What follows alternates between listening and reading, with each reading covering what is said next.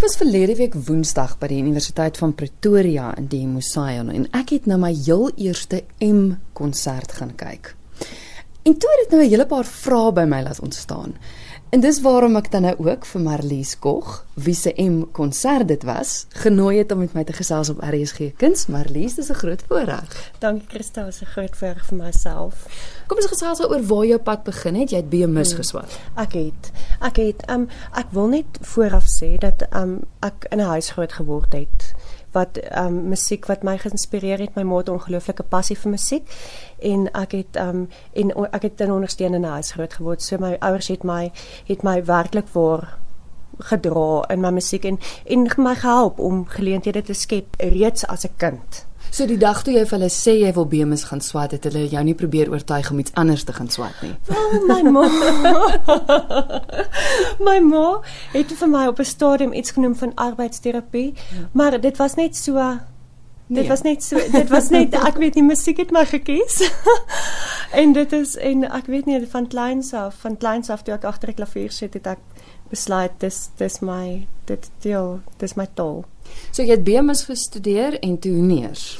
Ek het my my honeurs was op daai stadium ek het deur am Noordwes Universiteit gedoen en honeurs op daai stadium was 'n 4 jaar ja BMS honeurs graad was 'n was 'n 4 jaar kursus wat ek ehm um, so ek het dit dit voltooi en na my honeurs het ek 'n gaping gevat en op 'n holiday working visa het ek in Londen as vryskut pianis gewerk en net 'n breek geneem um van my neersgraad maar ek wou graag verder gaan met my met my meesters en ek het op daai stadium in in Londen het ek vir Candice Whitehead gekontak en sy was 'n dirigent van die um Natalse jeugorkes mm -hmm. waarin ek gespeel het op hoërskool en op daai stadium was sy in Ierland gevestig en ek het vir ek het net kennis inwin oor um studiegeleenthede en werksgeleenthede vir musikante in Europa want dit is dis waarheen baie musikante werk Europa of Amerika. Mm.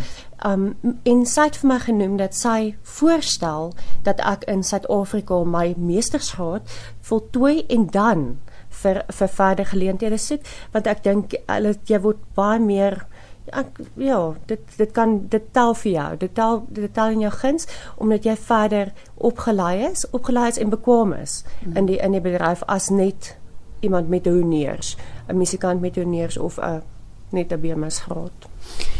Voor ons kom by die M konsert wat ek dan ook gesien het en jou M, jy begelei vir Elena Hetema.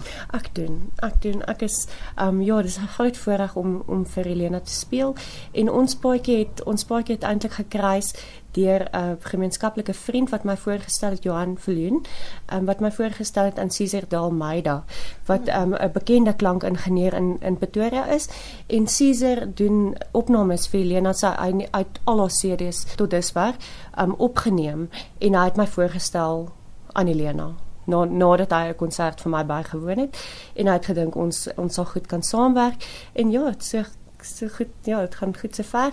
So eintlik ken die luisteraars jou. Ja. Ja, my gesig is nou nie op die op die CD nie, maar ja, die ja, hulle het my definitief al gehoor. Kom ons praat oor die M. Uit die aard van die saak is 'n M na 'n honeurs. Jy het nou besluit om dit te doen by die Universiteit van Pretoria. Ja. Hoe werk 'n M? Wel, 'n meestersgraad in die in die eerste instansie. Ek het 'n ek het 'n breek geneem tussen my honeurs en my meestersgraad en ek het 'n ek moes weer ek het 'n audisie gespeel by by Tikkies en professor Joseph Stanford was was nog altyd vir my inspirasie gewees en um en ek wou graag by hom les geneem het en na my audisie het ek suksesvol suksesvol audisie het ek begin met my meesters 'n meestersgraad in die in die syllabus wat waarvoor ek ja die syllabus wat geldig was toe ek ingeskryf het moet jy basies twee konserte doen van 70 minute. Maar dit het nou verander. Ekskuus, is nou net een konsert. Dis nou net een konsert. Maar ehm um, jy moet twee konserte doen van 70 minute elk en dan moet dit dit moet redelik um standaard repertorium wees en en dan moet jy 'n verhandeling, moet jy 'n verhandeling skryf vir vir jou wat basies ja, jou werkstuk is. Moet die twee bymekaar aanpas. Met ander woorde, die werk wat jy kies om uit te voer, Ja. het dit enigsins hou dit verband met jou verhandeling? Die jy kan kies. Dit dit hang af van dit hang af van die van die van die pianis of, of van die musikant. Jy kan jy kan basies jou eie ja, jy kan jou eie onderwerp kies vir iets in iets wat jy sou belangstel, iets wat jou iets wat jy regtig oor kan skryf. Dit moet iets wees wat jy uh, eintlik ja, wat jou belangstelling prikkel um, want dit gaan makliker wees om te skryf want jy moet nogal skryf. So waaroor het jou verandering gegaan? Ek het 'n pedagogiese analise gedoen van Tchaikovsky se Opus 39, dis sy jeugalbum. Mm -hmm. En ek het die rede hoekom ek die onderwerp gekies het is om is basies om vir leerdlinge en dan ook vir onderwysers 'n handleiding te gee vir die spesifieke werk indien hulle dit in hulle in hulle syllabus vir leerders wil inkorporeer. Om vir hulle basiese riglyne te gee um, om spesifieke tegnieke um, te ontwikkel by 'n jong tot meer gevorderde pianis en dit is tegnieke wat wat kritiek is um, in 'n pianis vir 'n pianis vir enige pianis en dis ja dit dit het my dit was dit was nogal redelik interessante interessante werk vir my gewees. En in samewerking met my studieleier wat ook prof prof um, Joseph Stanford is want hy is hy is uh, ja hy is 'n fenominale mens. En um en ek sê altyd ek vergelyk hom altyd met 'n biblioteek dis letterlike uh, nou, lewende biblioteek ek het dan nie jou eerste konsert gesien nie. Daar het jy as solis opgetree dit was net jy op die verhoog gewees. Ja. Maar die konsert wat ek woensdag gesien het het jy drie werke gespeel dink ek waar jy 'n mede-pianis gehad het. So daar was twee vleuelklaviere op die verhoog geweest. Daar was ook 'n sopran geweest mm. wat jy begelei het en daar was ook 'n violis geweest. Yeah. Ja. So met ander woorde, hulle hulle kyk na jou. Jy word op al daai verskillende vlakke beoordeel as ek reg. Ja, jy word. Um, ek het ek het begin met belangse dubbelklavier werk um concerto saam met François Labescagni en ons het ja en dit is dis 'n baie dis dis 'n baie opwindende werk om 'n om 'n program mm. om 'n program af te skop. Um en dan het ek saam met 'n altviool saam met Amri van der Vyver um het het ek 'n alt viool werk en um, van Vietnam geskryf wat redelike ek dink dis die premier in Suid-Afrika van die werk. Um dis 'n dis op hulle vir 'n altviolis is dit 'n ongelooflike um moeilike werk en um ja, so ek het dit saam met haar gedoen en dan het ek saam met Julia Patrashkoyo wat 'n Russiese sopraan is, um het ek Russiese Rachmaninov en Tchaikovsky lieder het het ek gedoen om die program verder in te kleer.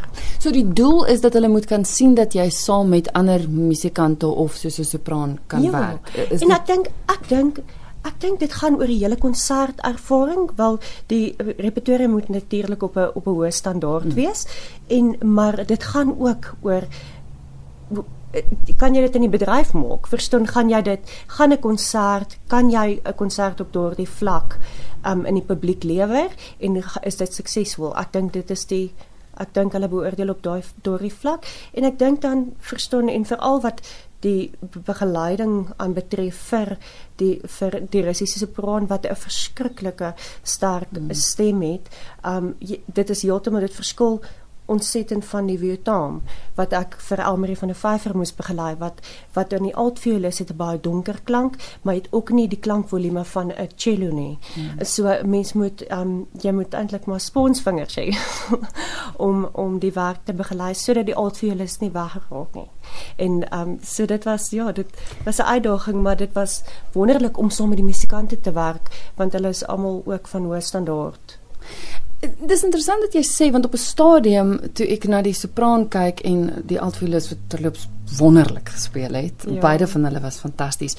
Het dit vir my so half gevoel maar, maar ons is mos nou daar vir jou. Dis jou en konserte nou is al hierdie ander mense hier, maar dit maak sin as jy sê dat jy gaan nie noodwendig in die bedryf uitgaan net as solis nie. Jy gaan soms moet begelei ja. of deel van 'n konsert wees. So jou dosente moet kan sien of jy dit kan doen. Definitief, definitief. Kom ons praat gou oor die woord begelei want ons het voor die onderhoud is en ek weet ek het 'n vorige keer met 'n ander musikant ook al gesels. Dit is eintlik so 'n gaggie woord want begelei klink so ja. Maar dis eintlik die hele gebruik die ja. term kamermusiek, né? Ja, ek dink ek dink in Suid-Afrika word begeleiding word begeleiding gesien as bloot begeleiding in in baie in baie Dit dan nie wat die stem gevalle of die die skool wat die se wat die skool ja. se is die skool het um begelei ja. of of selfs jy weet 'n kerkoralis maar ja.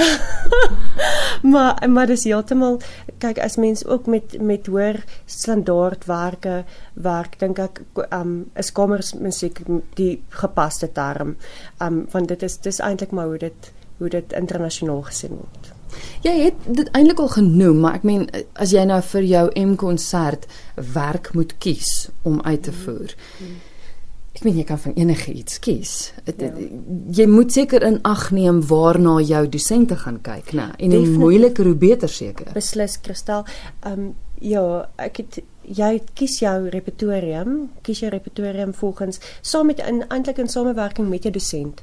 In samewerking met jou dosent en dan word dit jou finale programkeuse dan ingehandig vir 'n komitee wat dan goedkeuring moet gee vir die program voordat dit uitgevoer word. So dit moet op 'n hoë standaard wees, maar daar's daar's verskeie doktors en professors wat na jou program kyk mm. voordat jy dit voordat jy dit uitvoer. Oh. En um en jou programkeuse kom eintlik maar van 'n van 'n jong ouderdom af want jy want jy word aan sekere standaard aan 'n sekere standaard van repertorium blootgestel van 'n jong ouderdom af. En jy ontwikkel en soos wat jy ontwikkel, word jou word jy blootgestel aan konsertrepertorium en aan aan moeilike repertoire.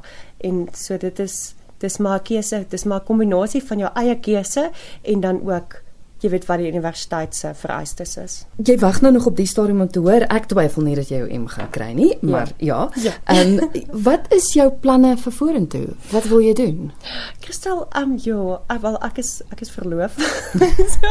my, my verloofde bly in die Kaap en ons beplan om volgende jaar te trou, maar ek het nog baie sterk ehm um, drome vir vir my musiek vorentoe en ek wou ek wou nog altyd um, in in Oostenryk verder studeer het. So dit is dit is my plan. My plan is om om vir 2 jaar of of langer um oor omtrent 2 jaar se tyd um saam met my verloofde Duitsland Duitsland te gaan en en verder daar te studeer of verder dan te studeer in Suid-Afrika. Um en en verder 'n loopbaan te maak en want in Suid-Afrika is die ongelooflike geleenthede vir kunstenaars. Ek glo daar's 'n groot brakveld. Um wat wat gevolg kan word met die musikante wat in Suid-Afrika is. So onthou die naam Marlies Koch want ons gaan daai naam nog op wêreld verhoor hoor. Baie dankie vir die gesels. Baie dankie Christel, dit was 'n voorreg.